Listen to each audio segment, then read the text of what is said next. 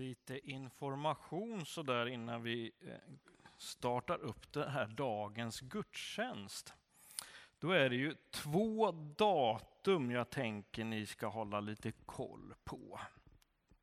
Det är den 19 november och det är den 26 november. Jag vet att det är lite långt fram, men så här är det. Den 19 november klockan 18 så inbjuds alla till någonting vi kallar lördag 18 med mat och gemenskap. Men eftersom det är mat där så behöver man ju anmäla sig till detta. Därför är det ju bra att veta detta innan den 19 november klockan 18.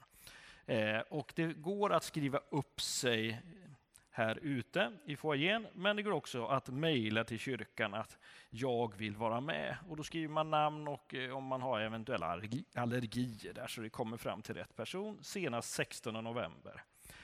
Eh, och den 26 november, ja då får vi gå upp lite tidigare den lördagen, för då är det frukost. Eh, en enkel frukost och möjlighet att pröva på tikva som vi har haft här innan. Men den här gången så är det Lotta Wendel som är instruktör. Och eh, det finns också en liten lapp där ute att skriva upp sig på om man har möjlighet att vara med på detta. Och, eh, eller så mejlar ni till, ja, mejla till mig eller till, till Lotta så går det bra. Eh, ikväll så är det, är det, ber vi ju för vår dal. Det har vi alltid gjort första söndagen i varje månad klockan 17. Men vi är inte uppe på berget utan vi är i Pingkyrkan Hovslätt. Eh, det står i vår programblad ett annan plats, men det är Pingkyrkan Hovslätt som gäller ikväll klockan 17. Nästa söndag är det tillsammansgudstjänst. Ulrika predikar då och det är tema gudsmöten. Det är ett gäng tonåringar medverkar och det är välkomnande av nya medlemmar. Och jag vill säga redan här då att är det så att du har tänkt att ja, nej, men det där verkar lite spännande, jag vill också vara en del av församlingen mer så. Ja, men då pratar du med antingen mig eller Ulrika. Så Ta, ser vi hur vi gör vidare. Men nu ska vi fira gudstjänst idag. Så välkomna till gudstjänst. Idag får vi lyssna till Ulrika Johansson eh, och det är temat är hoppet. Och vi får sång av Lina Tovhult och eh, Karin Zetterman eh, är organist både på piano och på orgel. Det är jättebra. Och idag får vi också information av Marianne Sandqvist gällande vad händer i Samhjälp idag? Nu gör vi så här, nu knäpper vi våra händer och så lägger vi hela den här gudstjänsten i Guds händer. Jesus Kristus, nu ber jag Gud att du ska vara med i allt som sker i den här gudstjänsten, Herre Jesus. Tack Herre Jesus att du finns här, Herre Jesus. Tack att du är med när vi firar nattvard tillsammans också, Jesus. Kom heliga Ande och rör vid allt som kommer att ske idag. I Jesu namn. Amen. Nu sjunger vi tillsammans salmen 254. Löftena kunna ej svika.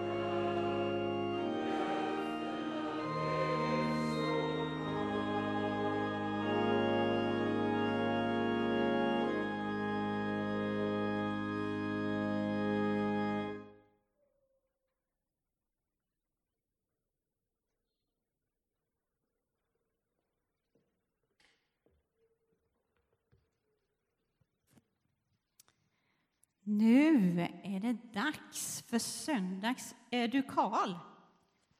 Det nästan verkar röra sig i den här väskan du. Eh, undrar vad det kan vara i väskan. Jag behöver sex stycken frivilliga som kommer och hjälper till lite, gärna barn, men eh, får vi inte ihop tillräckligt med barn så behöver vi några vuxna också. En frivillig, det är jättebra. Eh, jag tror jag sa sex stycken, så jag behöver fem till. Finns det några? Det är inget farligt. Det är inget farligt i väskan. Men jag behöver några personer till. Suveränt, Benjamin. Finns det inte några fler här? Men titta, här kommer ju en till. Bra, och Fredrik och Markus. Strålande. Nu är vi fyra, och där är två till. Titta, nu är vi sex stycken. Det är perfekt. Så, eh, i, jag ställer mig här borta, tror jag. I den här väskan så finns det sex saker.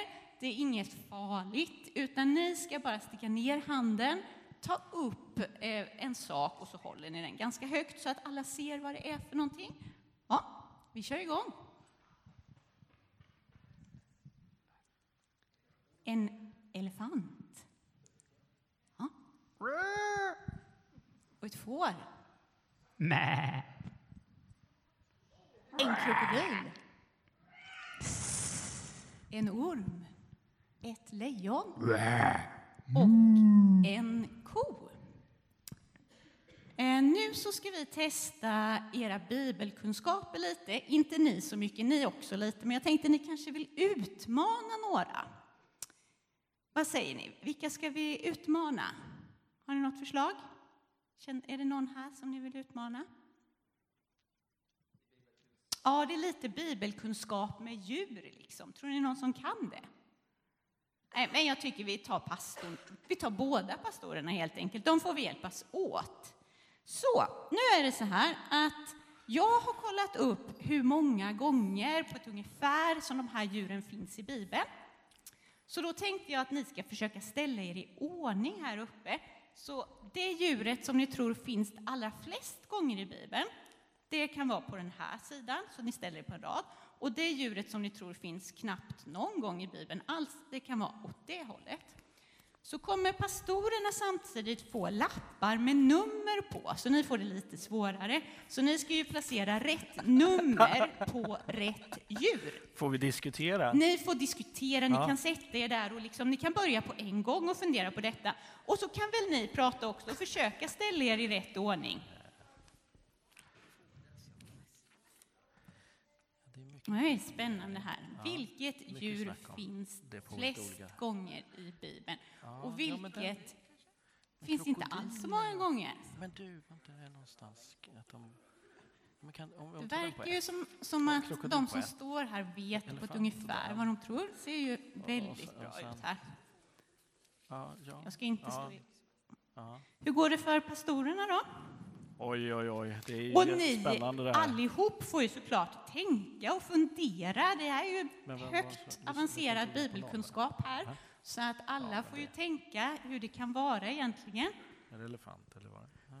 Nu så verkar pastorerna lite redo här att dela ut lapparna. Så ni ger dem en lapp så får Alltså, de vi är ju lite osäkra på om det är krokodil eller elefant som inte finns alls. Liksom. Men vi tänker att de är lägst i alla fall. Vi tänker att vi Ja. håller Ja, med men du- er ja, där. men Men, du, jag tänker så men- här. Nej, men du, jag men Noaks ark var ju säkert någon av dem. Ja, ja, men jag gissar Varför? så. Tror du inte elefant nämns vid Noaks ark? Ja, ja, jag gissar så. Kossor är ju inte mycket, kan ju inte vara. Mm, Nej, Men det, det är mamma Mu.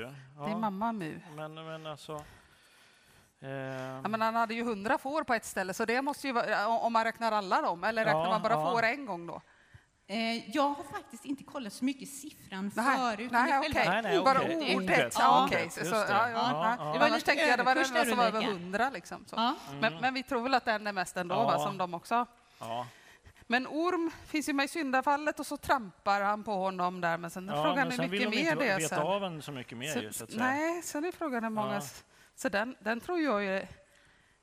Le, åh, Men lejonet av Mu, Juda nämns en gång bara Ja, i nu, får, Uppenbarelseboken. nu får vi Nu- ha ett oh, resultat här, tror Det är jag. ju svårt. Ja. Nu är betänketiden alltså, det, ute. det, vi, vi får ju ta skämskudden sen, Ja, det, ja, det är inga problem. Det, Nej, men nu kör vi bara. Nu får ni köra. Ja, jag, jag tror det är mycket lejon. Lite mindre orm. För den Ja, jag gillar håller vi. med. Den, Jag jag, är håller kvin- med. jag är kvinna, jag gillar inte den. Ja, det, det står det i tack. Bibeln. Jättebra! Nu ska vi se här om det blev rätt här nu då. Eh, Karl har ett facit. Noll elefanter, det är rätt. En krokodil är rätt. Här har vi kossor, 81. Stämde det, Karl? Ja, det stämmer. Lejon, 91. Stämmer det? Det stämmer. Orm, 42. Stämmer det? Och får, fler än 400. Stämmer det? Ja, det stämmer. Superbra. Tack så mycket. Då kan ni gå och sätta er igen. Ni kan ge djuren till Karl så samlar han in dem. Eh, och då så vet ju jag att alla är väldigt spända på att få reda på krokodilen. Vart står det om krokodilen i Bibeln? Så för att inte ni ska sitta här hela gudstjänsten och fundera på det så tänkte jag bara avslöja det innan vi går. Och då så är det i Hesekiel 29, vers 3, så står det så här. Du skall säga, så säger Herren Gud, jag skall ta itu med dig, farao, Egyptens kung, feta krokodil som dåsar i Nilen och säger, Nilen är min, jag har skapat den. Där står de, krokodilen. Nu går vi till söndags. Och vi... John,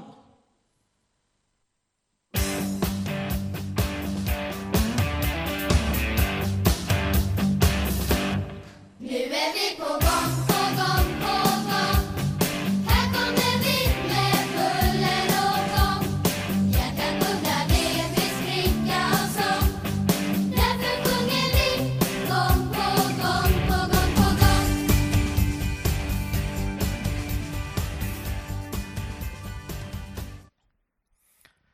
Ja, det är gott. Men hörni, nu tar vi och ber tillsammans och så lugnar vi ihop oss lite och så ber vi eh, Herrens bön tillsammans. Vår Fader, du som är i himlen. Låt ditt namn bli helgat. Låt ditt rike komma. Låt din vilja ske på jorden så som i himlen. Ge oss idag det bröd vi behöver och förlåt oss våra skulder, liksom vi har förlåtit dem som står i skuld till oss. Och utsätt oss inte för prövning, utan rädda oss från det onda. Ditt är riket, din är makten och äran i evighet. Amen. Ja, vi har ju ett arbete som vi stöttar Eh, både med pengar och med arbetskraft och så vidare och det är ju Samhjälp. Marianne Sandqvist, vad händer med Samhjälp just nu? Varsågod.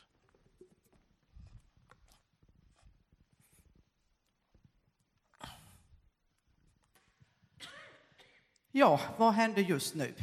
Det händer väldigt mycket skulle jag vilja säga. Och då vet ni att eh, det är tid för det här med våra matpaket.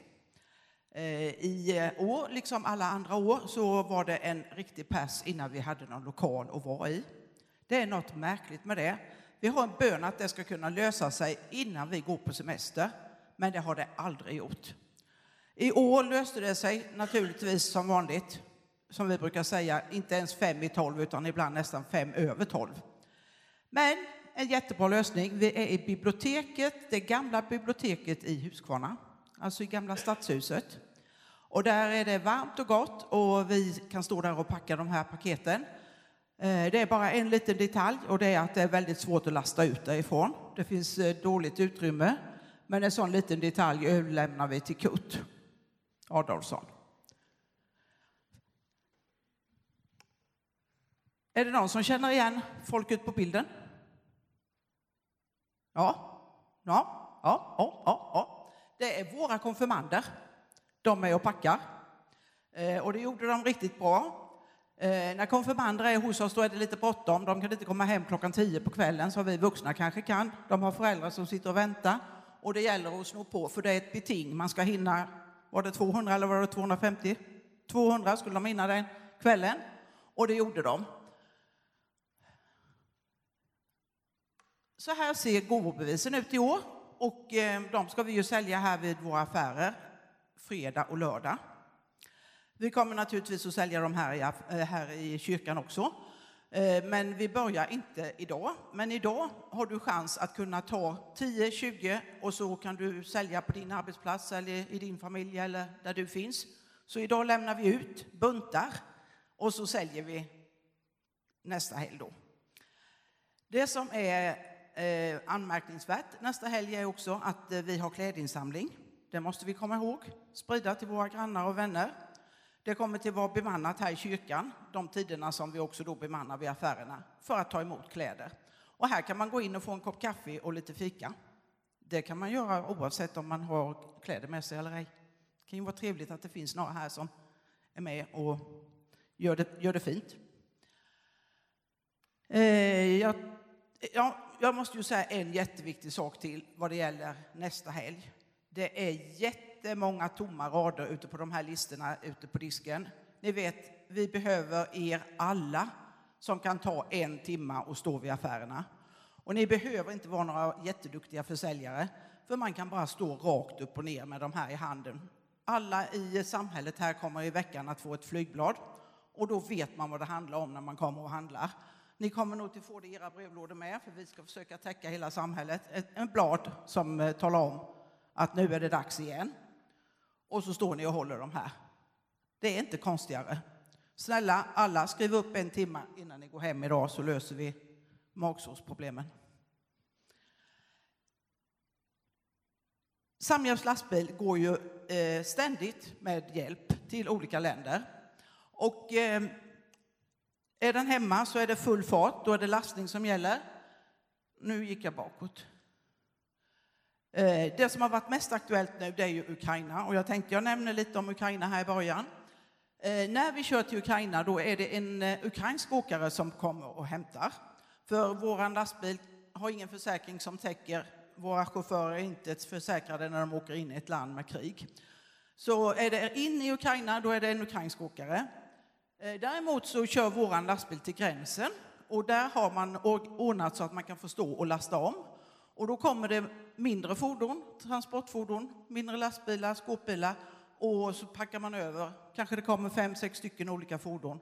Och så sprids det på många olika håll i Ukraina. Så på det sättet har vår hjälp spritt sig väldigt bra. Vi har också kört hjälpsändningar till eh, Polen och till Rumänien. Det är ju de länderna som har tagit emot mest flyktingar. Och folk frågar, fortsätter ni att köra? Ja, det gör vi. Så liksom det går ju parallellt. Vår lastbil går med hjälpsändningar till de vanliga länderna som vi brukar vara med och hjälpa. Och så köper vi in transporter. Och det innebär att vi har ju kört iväg mycket, mycket mer material i år än vad vi brukar göra. Mannen till höger heter Juri. Han är vår kontaktperson i Ukraina. Eh, han är ett allt i allo. Han är pastor, han är ledare för hjälporganisationen. Han är praktisk, han är glad, han är arbetsvillig. Ja, allt i en person. Men han är sliten, det kan vi förstå. Eh, många vänder sig till pastorn och vill ha hjälp. Här ser ni också att det är lastat i en lastbil och har ni bra ögon så ser ni att det är Vasa knäckebröd med på lasten. Det är ju många flyktingar som har, eh, många människor som gett sig iväg utanför landet, men det är ju miljoner av människor som är flyktingar i sitt eget land, det vi kallar internflyktingar. Eh, många människor är på, på, vad ska man säga, på vandring. Man har inte hittat, var kan, jag, var kan jag stanna? Man förflyttar sig. Den här kvinnan fick vi en fin intervju med eh, och eh, hon började sin vandring kan man säga i april. Hon flydde från Charkiv i april. I september kom hon till det som vi kallar vårt missionscenter där våra lastbilar lastar av och sen lastas om och går vidare. Hon hade tagit sig fram, hittat någon hon kunde få bo hos en tid, fortsatt och fortsatt och fortsatt. Och hela sträckan är ju fasansfull. Och hon har egentligen ingenting med sig när hon kommer nu till det här missionscentrat. Under den här intervjun som vi fick se då, så sitter hon och håller någonting hela tiden. Och jag vet inte vad det är hon håller. Men sen när intervjun är slut så blir hon väl lite mer avslappnad och då ser jag, det är ett par begagnade kängor. Kanske hennes käraste ägodel just då. Eh, den här kartan, det är Ukraina. Jag skulle trycka på en viss knapp. Nu tryckte jag ju helt fel. Eller tryckte du? Var jag? Jag ska trycka på den röda. Där kommer den. Eh, ni ser där uppe är Kiev. Är det hjälp med den här eh, ljusstrålen? Vårt missionscentrum ligger där, Berdichev, Polen här borta. Om en liten stund kommer jag att prata om en ort som heter Itzium som ligger där. Men ni kan tänka er då, det kommer in många transporter, de är här och lastar av, de går iväg till olika orter och det handlar ju om att få det så nära fronten som möjligt och de orterna där som man kan fortsätta och hjälpa människorna som är i värst nöd. Den här bilden är från Itium. Det ligger alltså i Charkiv-regionen och eh, den är tagen för ungefär en och en halv vecka sedan. Det är material från Sverige som håller på att delas ut där. Där är alltså fronten. Här är människorna väldigt utsatta. Och det är väldigt inspirerande när vi får de här bilderna för vi förstår att hjälpen kommer fram och då är det ju idé att fortsätta. Den här bilden är inte från Ukraina utan nu glider vi över till Bulgarien. Tagen för eh, eh knappt en månad sedan. Då hade vi en hjälpsändning till Bulgarien. Det är en pass att vara chaufför när de ska in på den här lilla gatan. Det gäller att ta sig baklänges in och det är trångt som bara den. Och ni ser att man stänger av all trafik. Men där ligger kyrkan och det är där man ska lasta av. När den hade varit i Bulgarien var den hemma och lastade om och så gick den till Rumänien. Eh, de här bilderna fick jag igår kväll. Eh, lastbilen kom hem nu i slutet på veckan. En del av er känner igen Kjell Holm, Eksjö. Det var han som var en av chaufförerna. De har varit i ett område i södra delen av Rumänien, Paulaskadalen. Där bor väldigt mycket romer och många familjer med många barn och ja, stor fattigdom. Det är inte alls ovanligt att man har köket ute. Och ni ser vad köket består av. Det gick lite fort. Uh, Där var det jag skulle vara. Ja, miljöerna är lite annorlunda än vad det är här. Eh, vi är ju också involverade i mycket arbete som eh, vi skickar pengar till och det här är skolprojekt. Utbildning är det vi prioriterar och tycker är jätteviktigt. Det är det som kan förändra och ta dem ut ur fattigdom. Det är vår filosofi. Eh, så på många platser har vi eh, stöd till skolprojekt. Vi försöker också hjälpa de vuxna att komma ut i arbetslivet genom att ordna praktikplatser av olika slag. Och ni ser att det kan vara inomhus, utomhus. Nu är jag tillbaka till eh, Ukraina och jag vill berätta några Guds under. Bilden är dålig, det vet jag, men för mig är bilden helt underbar. Juri som är på bilden, han var här i Sverige i början på oktober. Samhjälp hade en höstfest och han var här och ja, ni kan ju tänka er när man får lyssna till en som bor mitt i kriget, att eh, då lyssnar man. Ett av de största bekymren han hade just när han kom, det var att bara någon dag innan han åkte, då hade ett eh, däck på traktorn exploderat. Och han hade börjat hinna söka efter att köpa ett nytt, men i Ukraina gick det inte att få tag i den dimensionen. Så det var ett av det första han sa när vi satte oss ner. Alltså däck, hur ska jag få tag i det? Och dyrt är det. Ja, sånt där kan man gå igång på. Man börjar ringa, en dit och en annan ringer dit. Och David ringde till Carl Lundgren, församlingsmedlem här. Ni nickar. Och vet ni, där löser det sig. Hans firma sponsrar två traktordäck, helt gratis. Ja, Juri var helt salig för dessa två traktordäck. I veckan har de eh, levererats dit. Eh, Juri var här och hade flugit hit, men kunde, skulle åka ambulans tillbaka. Vi skickade en ambulans med honom som skulle till ett eh, sjukhus i Ukraina, så han kunde inte ta med dem. Men nu kom de på lastbilen. Och jag tror att de lastades av i fredags och den här bilden togs igår. Och han är alltså, om igen, salig. Det är ett Guds under hur man kan fixa det. Ett, ett annat samtal som David Ögren fick för ett tag sedan. Det ringer en man och säger ja, jag har fått er kontakt här och jag skulle bara kolla. Jag har en hel del maskiner som jag skulle vilja ge bort. Är det någonting för er? Och nu kan jag ju tänka mig att ni karlar i bänkarna börjar titta, vad är det för maskiner? Ja, i vanliga fall kanske man kan rycka på axlarna och säga, nej men jag vet inte om vi behöver några maskiner. Men vet ni, det var så speciellt. När Juri var här så satt vi vid många olika sammanträden och så pratade vi om situationen, vad ska vi skicka, vad, är, vad ska vi prioritera, vad behöver ni? Och då säger Juri, ja vi behöver ju det ni brukar skicka, men det är ju så många flyktingar som kommer och de hittar små ruckel och fallfärdiga hus och det ska bli deras bostäder. Och vi försöker hjälpa dem, men vi saknar ju verktyg. Har ni någon möjlighet att skicka verktyg, handmaskiner till oss? Ah, det är ju jättedyrt, eller hur? Vad ska vi skicka? Och så lugnade det sig lite. Vi tog inte tag i det bums som vi gjorde med traktordäcken. Men efter tre dagar så kommer det här samtalet. Vill ni ha maskiner? Alltså det går ju inte att förklara det utan att det är ett Guds under. Vi får erbjudande om att få fyra pallar med nya maskiner. Det är, nej jag vågar inte säga borrmaskiner, det är sågar och ja, jag kan inte, skruvdragare.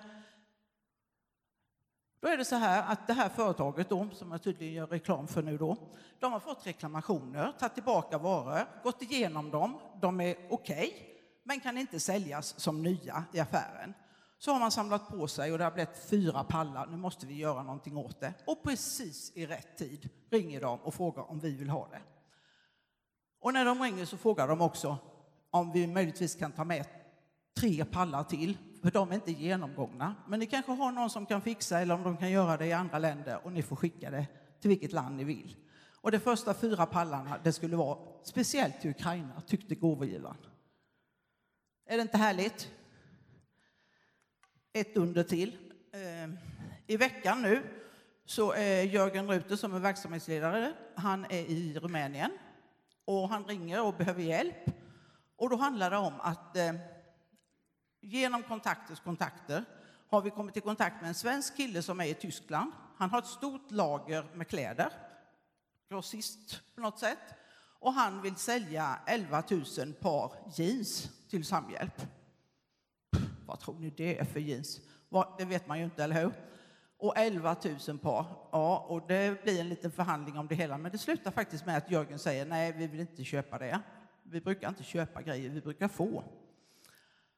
Så kommer killen förbi på Samhjälp och han blir eh, eh, sittande vid kaffebordet och både Jörgen och David eh, berättar vad Samhjälp gör och vad vi håller på med.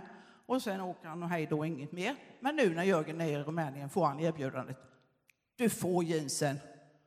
Om du betalar transporten så skänker jag jeansen. Och då var det bråttom, så helt plötsligt skulle jag in och göra en massa papper, för det är ju dokument och grejer då. Men nu är alltså 11 250 par jeans på väg från Tyskland till Ukraina. Härligt! Tack för detta och tack för att ni vill vara med och offra. Idag har vi chans här att ge en gåva till Samhjälp. Det är ett erbjudande. Jag tycker inte. Vill du vara med och stödja arbetet så får du chans när du går ut. Där finns eh, en bössa att lägga kontanter i, men du kan använda QR-kod eller eh, swisha då. Eller använd det som står på bilden där. Och eh, då säger jag redan nu, tack så jättemycket för gåvan. Den kommer rätt.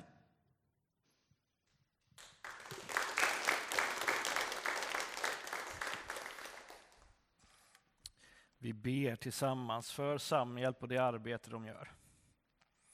Herre Jesus, tack för allt det arbete som görs för människor i östra Europa, Herre Jesus, som behöver mycket mer än vad vi behöver just nu.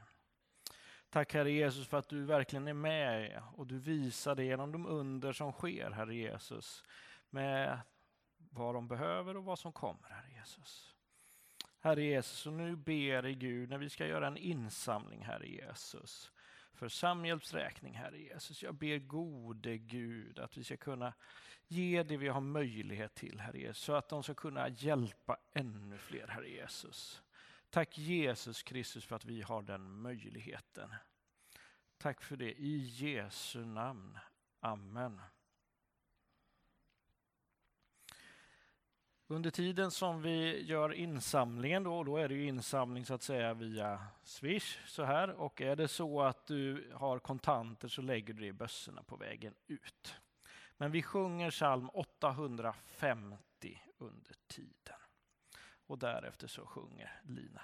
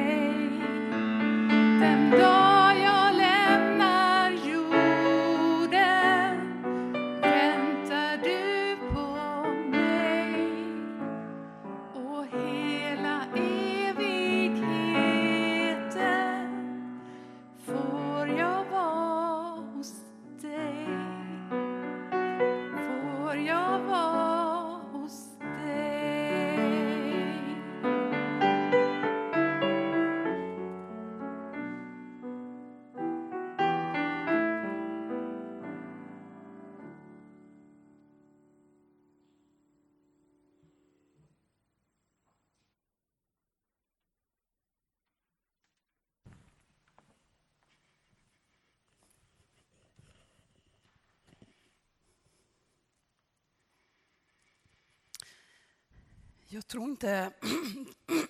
Jag får ursäkta, jag kommer rossla en hel del idag.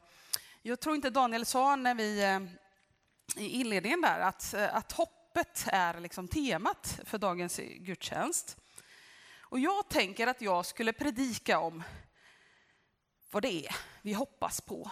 Och, och hoppas vi verkligen på det vi tror vi hoppas på? Och, och hur blir det då när det där hoppet uppfylls? Sker det nu eller sker det sen eller både och?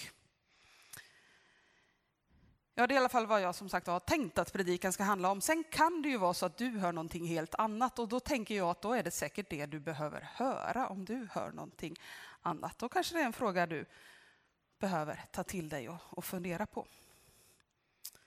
Men innan jag går vidare så låt oss be för predikan.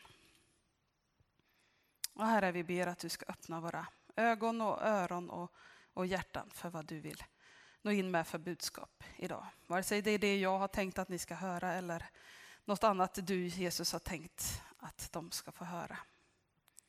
Och Herre, vi ber också att du ska hjälpa oss att sätta vårt hopp till dig. Så ber vi i Jesu Kristi namn. Amen. Det bibelord som jag tänker ta avstamp ifrån i dagens predikan, det är också det som är dagens evangelietext. Det är hämtat ifrån Johannes evangeliets sjätte kapitel, verserna 37 till 40.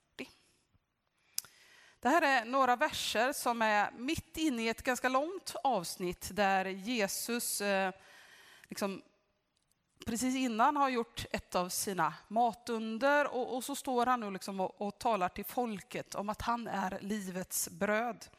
Ett bröd som likt mannat som kom ner till Israels folk där ute i Egypten av Gud så, så har Jesus kommit ner ifrån himlen till folket som en gåva ifrån Gud. En gåva som ska ge världen liv. Och så här lyder då ordet ifrån Johannes kapitel 6, vers 37 till 40. Alla som Fadern ger mig ska komma till mig och den som kommer till mig ska jag inte visa bort. Ty jag har inte kommit ner från himlen för att göra vad jag själv vill, utan för att göra hans vilja som har sänt mig.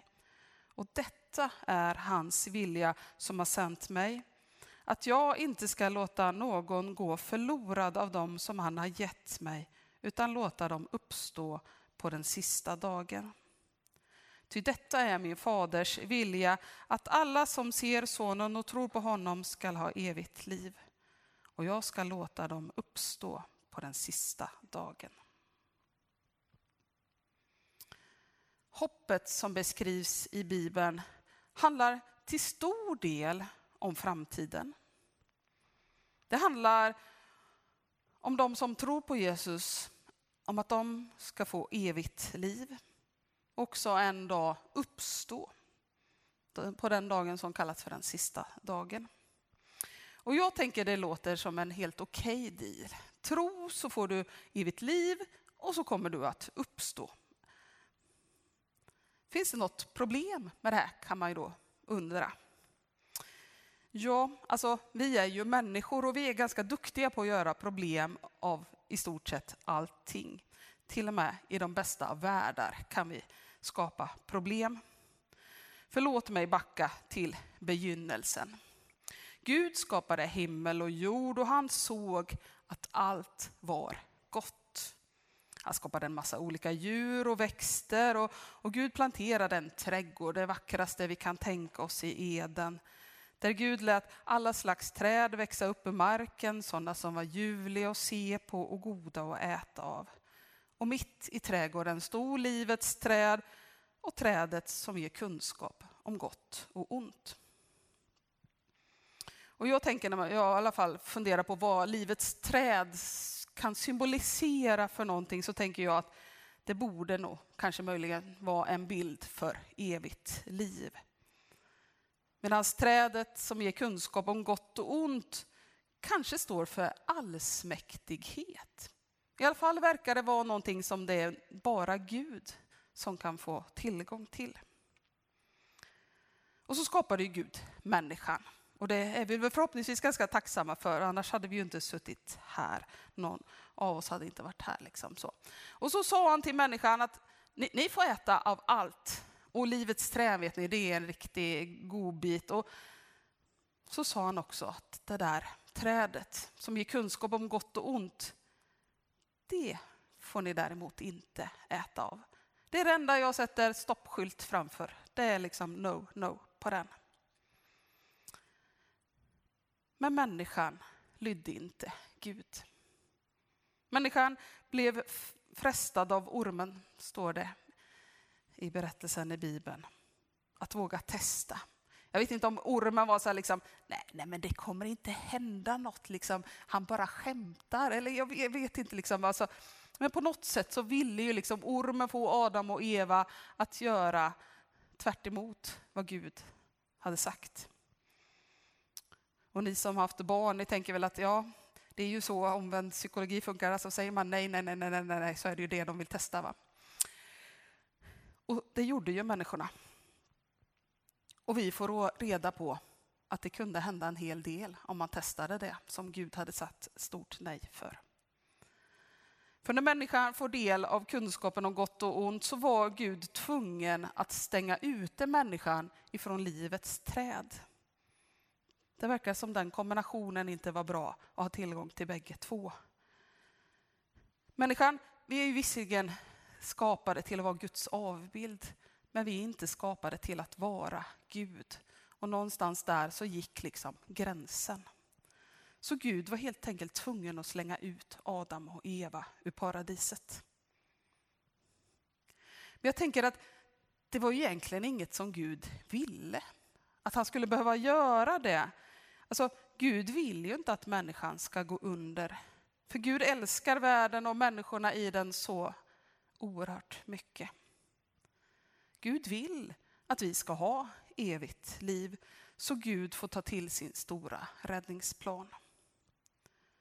Gud gav världen sin enda son. Gud lät Jesus genom hans död ställa människorna tillbaka i rätt förhållande till Gud igen. Och Jesu uppståndelse så bevisar Gud att till och med döden och ondskan kan besegras. Men det var bara en delseger. Visserligen en väldigt viktig seger och en seger som ger oss hopp om att de där löftena som finns i Bibeln om att en dag så ska döden besegras liksom en gång för alla. Det ger oss ett hopp om att det är ju löften vi kan lita på genom den där delsegern.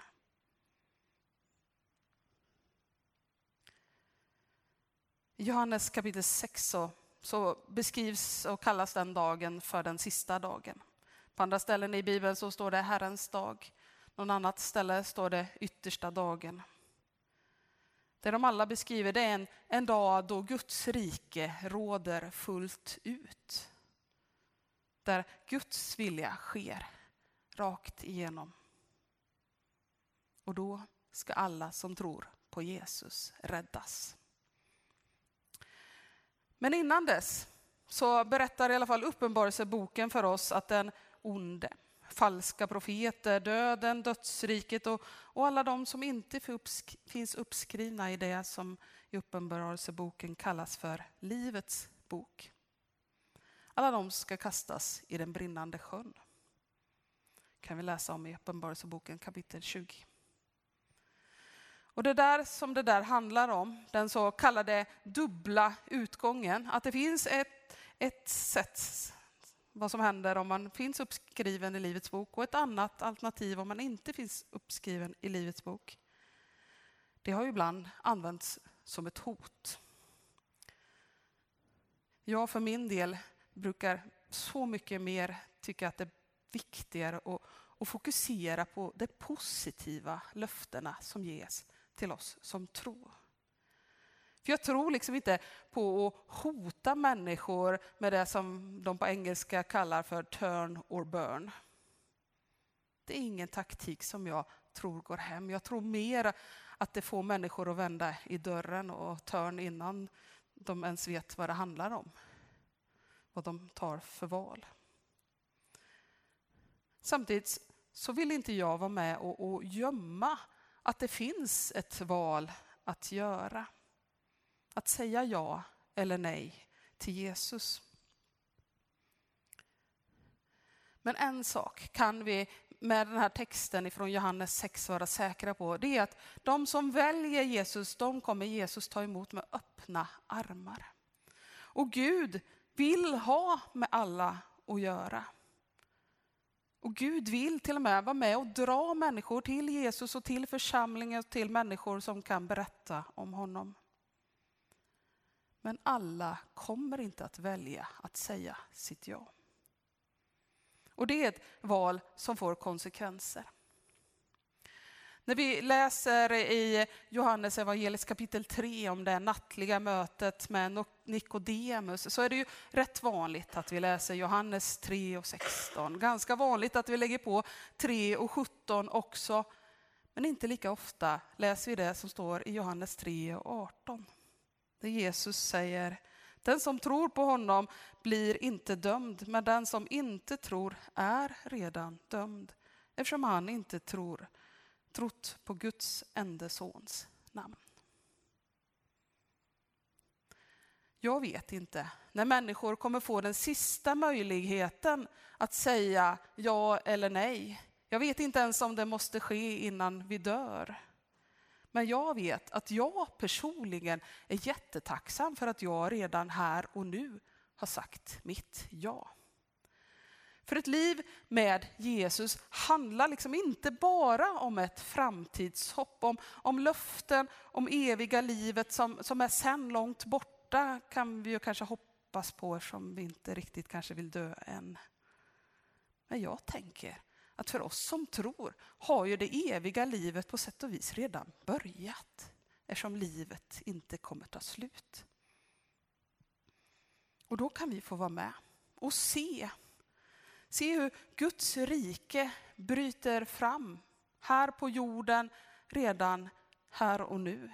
Vi kan få vara med och, och dra ner lite himmel till jorden och vi kan få se hur det där riket glimmar till i möten med människor när det sker helanden och under och, och saker som Marianne kan skriva långa listor om som vi inte kan förklara med något annat än om att det är ett gudomligt ingripande. Det där får vi se. Och det ger i alla fall mig mycket, mycket att leva för här och nu. Och det stärker mitt hopp, mitt i hopplöshet. Det ger mig styrka mitt i svagheten. Det ger mig mod när man möter modlöshet. Det ger mig frid i tider av oro. Och jag skulle kunna hålla på sådär. Jag tänker att ni förstår vad jag vill komma med.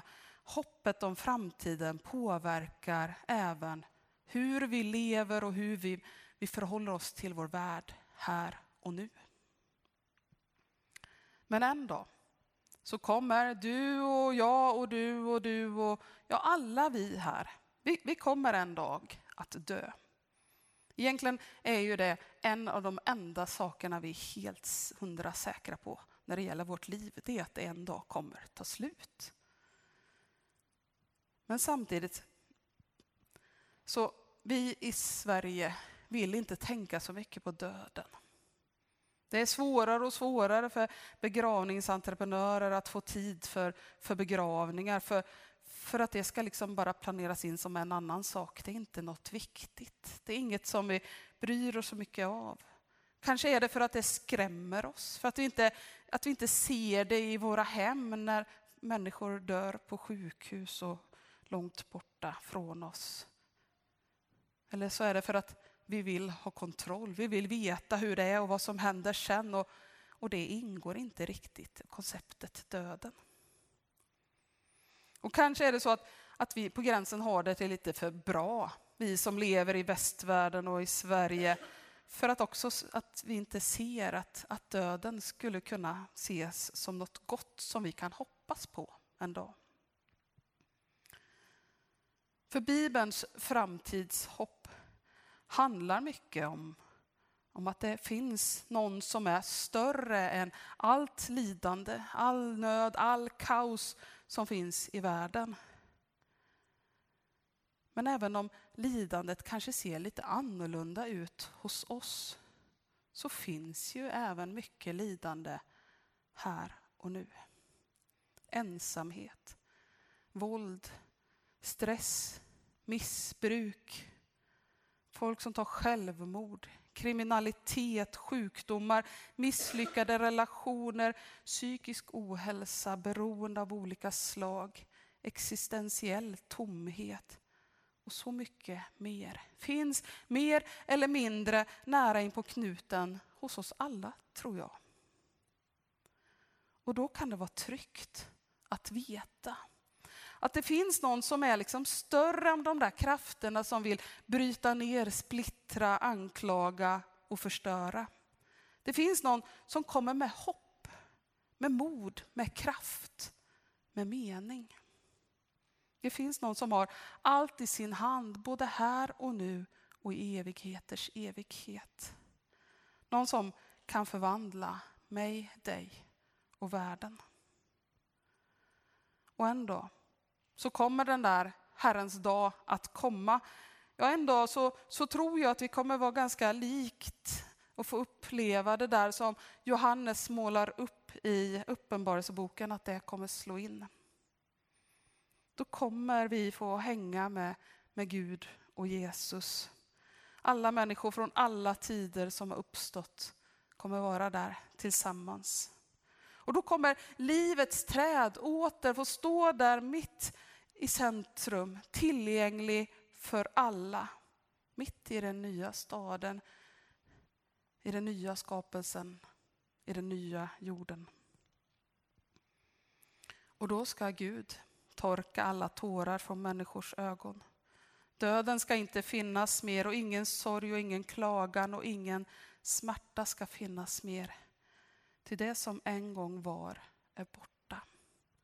Så står det i Uppenbarelseboken 21 och 4. Och då har vi som tror uppstått och räddats till evigt liv. Och jag kan hoppas på det. Det ger mig en visshet om, om att det liksom inte är slut den dag som jag dör. Det ger mig också styrka att möta motgångar på vägen dit. Det ger mig hopp om att Gud kan bryta in här i världen. Det ger mig kraft att bättre försöka stå emot där den onde försöker fresta mig på olika sätt.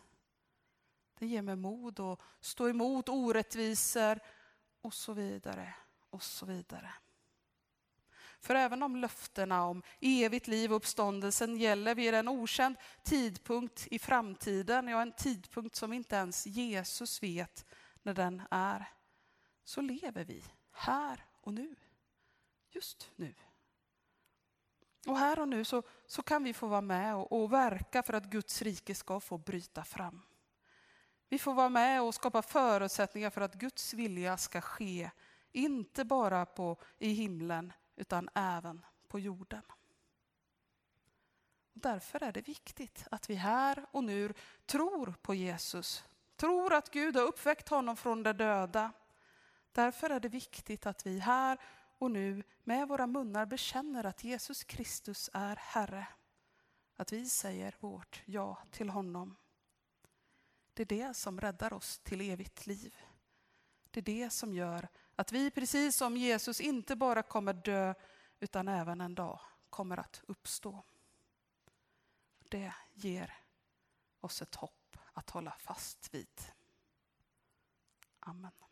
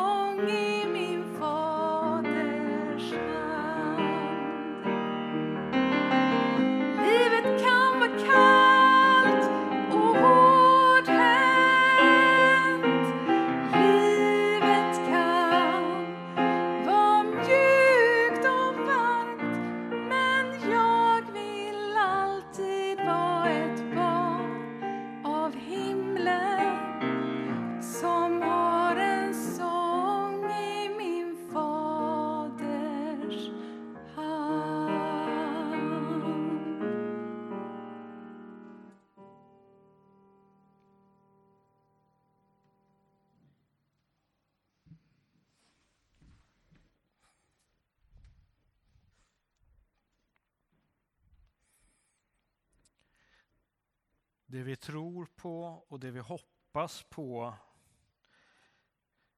kokar ner i bägaren och fatet med brödet. Det Jesus Kristus har gjort för oss på korset. Och eh, nattvardsbordet som vi kommer dela gåvorna med varandra idag, det står ju öppet för alla som vill söka sig nära Jesus Kristus och dela gemenskapen med honom. Och som det går till här, vi går mittgången fram, det finns möjlighet att både gå åt, ja, åt mitt vänster och åt mitt höger och ta emot gåvorna. På min högra sida vid dopgraven så finns det möjlighet efter att du har tagit emot gåvorna tända ljus för det du vill be för. Det finns möjlighet att skriva ner din bön på lappar som finns vid skålen där borta. Är det så att du vill att vi läser upp bönen här, då låter du lappen vara ovikt. Viker du lappen då tar vi inte och läser upp den, men vi ber för det som du har skrivit. Är det så att du känner att ja, jag vill ha förbön, ja, men då kommer Ulrika finnas där och att be för dig och be med dig idag. Men till nattvarden så kommer vi, inte för att vi måste, utan för att vi får. Inte för att vi är felfria, utan för att vi är älskade. Inte för att vi är färdiga, utan för att vi söker. Vi kommer för att vi behöver gemenskap med varandra och med Gud. Och mitt i det här så finns Jesus Kristus här tillsammans med oss. Och han bjuder oss, han bjuder dig på nytt till nattvarden. Och i den här måltiden så ger han sig själv till oss. Och han leder oss in i djupare gemenskap med varandra och utrustar oss för vittnesbörd och tjänst. Vi ber. Gud, du har skapat oss och är nära oss varje stund. Nu är vi här med allt vad våra liv rymmer. Alla tankar och känslor. Det vi gläds över, det vi skäms för. För det vi vill dela och det vi vill hålla hemligt. Gud, vi kommer också med det som vi har gjort som är fel. Vi behöver din förlåtelse. Jesus Kristus, du som är Guds ansikte i världen. Du känner och älskar oss. Befria oss så att vi kan följa dig ut i den värld som du älskar. Helige Ande, Guds liv och kraft, möt oss nu där vi är. Lyssna nu till vår tysta bön och bekännelse.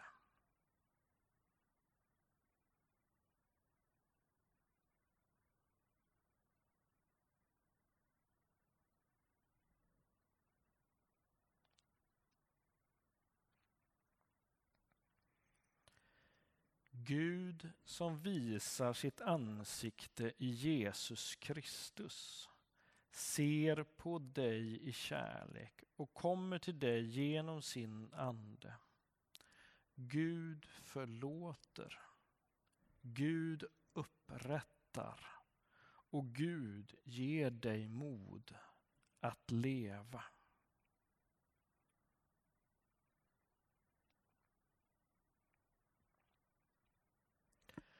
Den natten då Herren Jesus blev förrådd tog han ett bröd, tackade Gud, bröt det och sa Detta är min kropp som offras för er.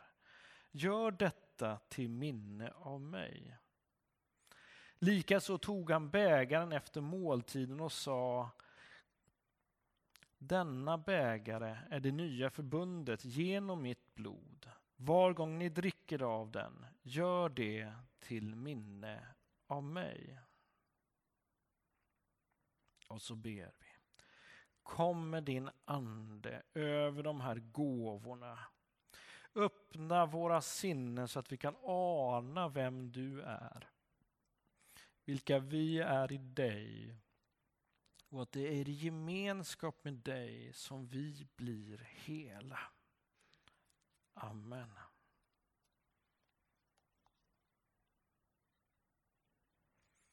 Bägaren som vi välsignar ger oss gemenskap med Kristi blod.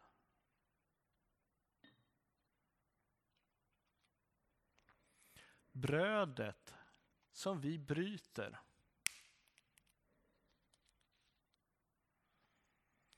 Ger oss gemenskap med Kristi kropp. Och alla vi som är här får del av brödet och vinet i gemenskap med varandra och med Jesus Kristus. Låt oss sjunga psalm 200, 434. Gud är en av oss vid detta bord.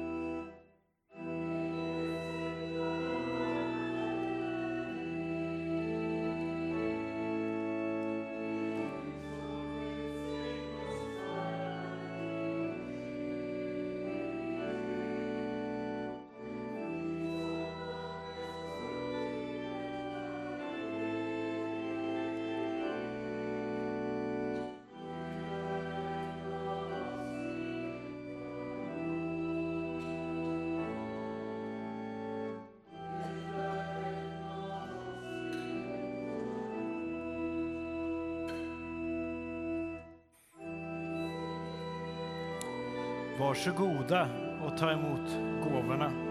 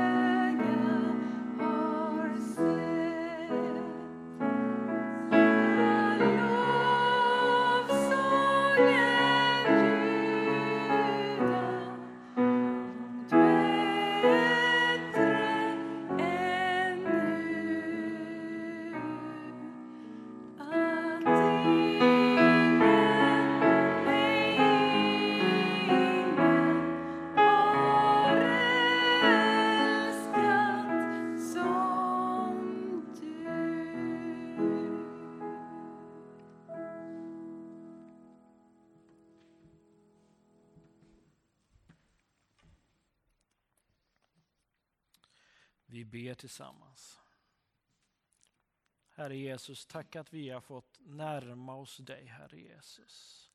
Tack att vi har fått komma och vi fått tagit emot brödet och vinet, Herre Jesus. Fått förnya vårt, vår gemenskap med dig, Herre Jesus. Bli påminda om vad du har gjort för oss, Herre Jesus. Jesus Kristus, du ser de eh, ljus som är tända, Herre Jesus, i ett rop till dig för olika saker, Jesus.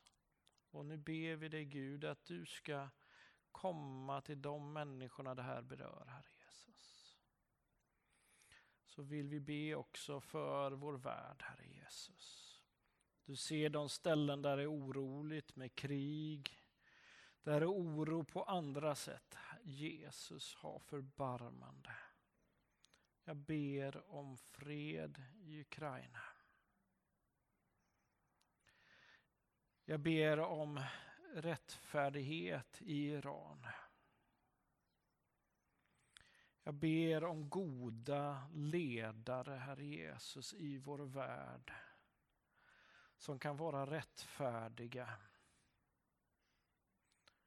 Jesus Kristus, ta hand om oss alla. Jag ber om det i Jesu namn. Amen.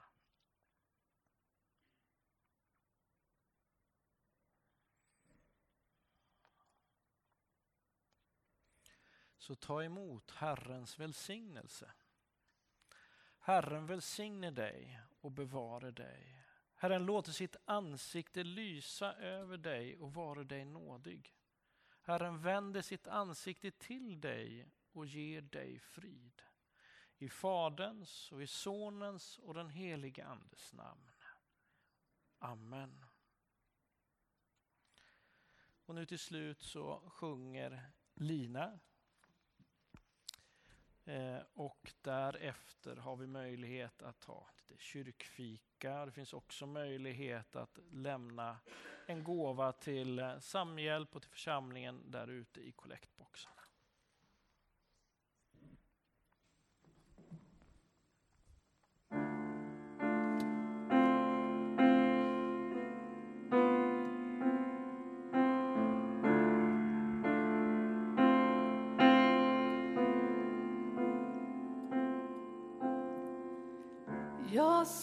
Sig stilla ner och lyssnar till